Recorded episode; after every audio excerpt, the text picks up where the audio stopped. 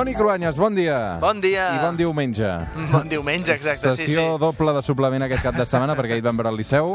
Sí. I avui Mm, tot. La veritat és que em vaig passar molt bé, eh? Sí, home, va ser un bon show, eh? Sí, amb en Neil Harbinson la veritat és que no, no, no m'ho esperava, però dic que me'n vaig passar molt bé i les actuacions musicals en directe amb ràdio funcionen molt bé, la veritat, molt, molt bon ambient. Moltes gràcies per ser-hi, Toni, eh, perquè ens has fet costat al llarg de tota aquesta temporada. En vindran més, el Cruanyes ja és un puntal d'aquest nou suplement i, i esperem que així sigui. Avui, però, eh, aparcarem tota la festivitat perquè els que també estan de festa aquests dies són els que han estudiat la selectivitat. Sí, sí, em sembla que els que fan exàmens ja ho estan acabant, per tant, és hora de celebrar-ho també per ells. Doncs avui dediquem l'espai del Cruanyes una altra història als 35.000 estudiants que aquesta setmana han fet la CELE, la selectivitat. A veure, Toni, això és l'himne de, de les universitats, eh? És molt solemne, és el Gaudeamus Igitur, és internacional, és del segle XVIII i de fet encara ara en molts llocs es fa servir a les cerimònies de graduació, sobretot, clar, als països anglosaxons. Ara, per tant, se sent aquesta cançó. Avui parlem d'universitat, Toni. Sí, quan pensem en universitats, de seguida pensem en Europa, en els Estats Units, aquells campus amb gespa verda, potser en protestes també, amb l'arquetipus de les universitats, però saps d'on és la primera universitat del món? És de la Xina, de l'any 2200 abans de Crist. Es deia Escola Superior Imperial Xinesa. Mm. Clar, hem de recordar que moltes vegades oblidem que la història de Xina és molt important, és remota, és diferent, però la Xina va ser durant molts segles una potència tecnològica molt superior a l'europea. En tot cas, segur, eh, es fa molt estrany pensar en com devia ser una universitat fa 4.000 anys. Quina va ser la primera universitat europea, Toni? A veure, et dono una pista, va. Va ser a Espanya. Catalunya? No. Per, perquè la UB és antiga. Però no tant. No tant. No, la primera universitat europea va ser a Còrdoba, al segle VIII, perquè era quan el sud de l'actual Espanya estava en mans dels àrabs i tecnològicament, acadèmicament, eren més avançats. Ho recordo també perquè, com dèiem, la història de les universitats i del coneixement científic el vinculem als monjos medievals, cristians, als monestirs...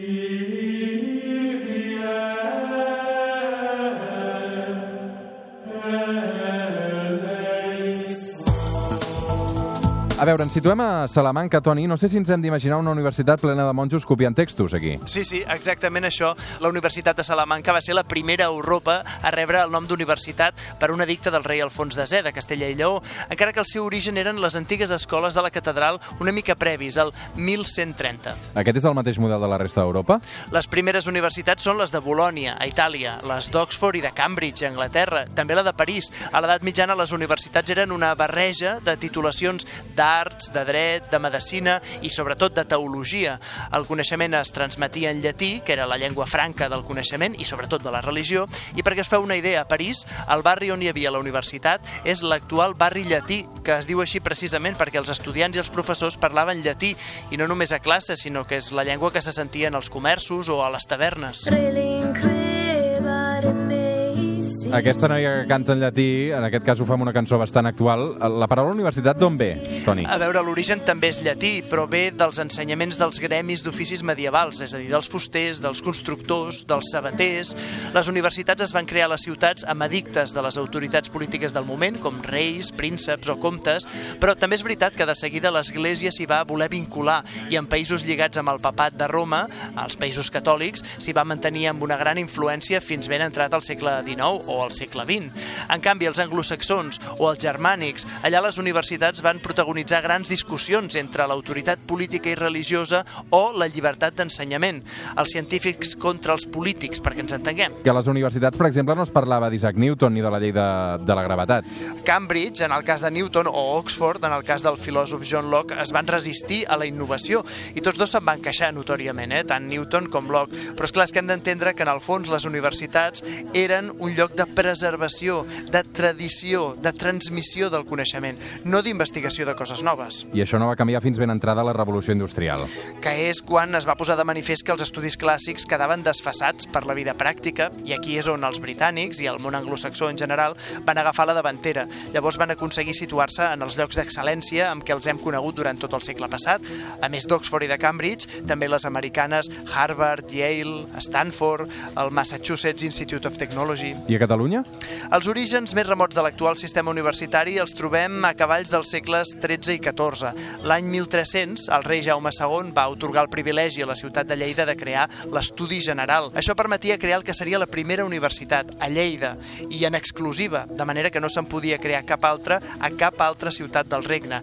Durant tot un segle, el poder civil i eclesiàstic de Lleida va lluitar per mantenir aquest privilegi fins que el 1401 el rei Martí l'Humà va fundar un estudi de medicina a Barcelona, però que no va ser universitat fins a mitjan del segle XVIII. A Girona va passar més o menys el mateix de la mà del rei Alfons el Magnànim. En tot cas, quan el Borbó Felip V va guanyar la Guerra de Successió, va suprimir-los tots i a Cervera va fundar l'única universitat de tot Catalunya, en el territori que li havia estat fidel. Una universitat pública i digna que s'allunyi dels interessos... I ara sí que anem a la part contemporània, perquè aquesta és una manifestació d'estudiants per protestar precisament contra les retallades a les universitats. El món universitari ha anat canviant, Toni. Ha canviat i molt, perquè ara el problema de les universitats és això, el finançament, o la competència ferotge que hi ha amb les universitats globals.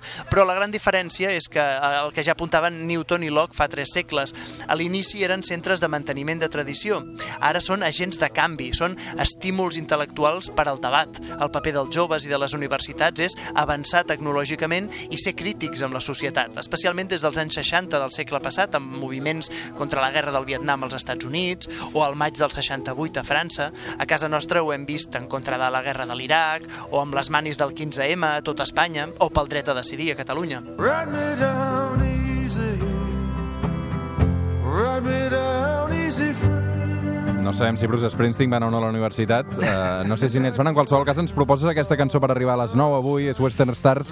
Uh, és el- l'últim single que ha publicat amb aquest disc nou que fa, no? Sí, sí, és que m'agrada molt. T'agrada. No sé si, si va molt pel dia d'avui o no, però Bruce Springsteen m'agrada molt. Sempre està bé el, el bosc. Escolta'm, tu quina universitat vas anar, Toni? A l'Autònoma. Ah, tu, ah, doncs així compartim universitat. Sí, Molt sí, bé. sí, sí. Plaça cívica i aquelles coses, eh? Aquelles coses. Ara ja comencen a ser una mica lluny, Sí, eh? sí, sí. Toni, una abraçada. Que vagi bé.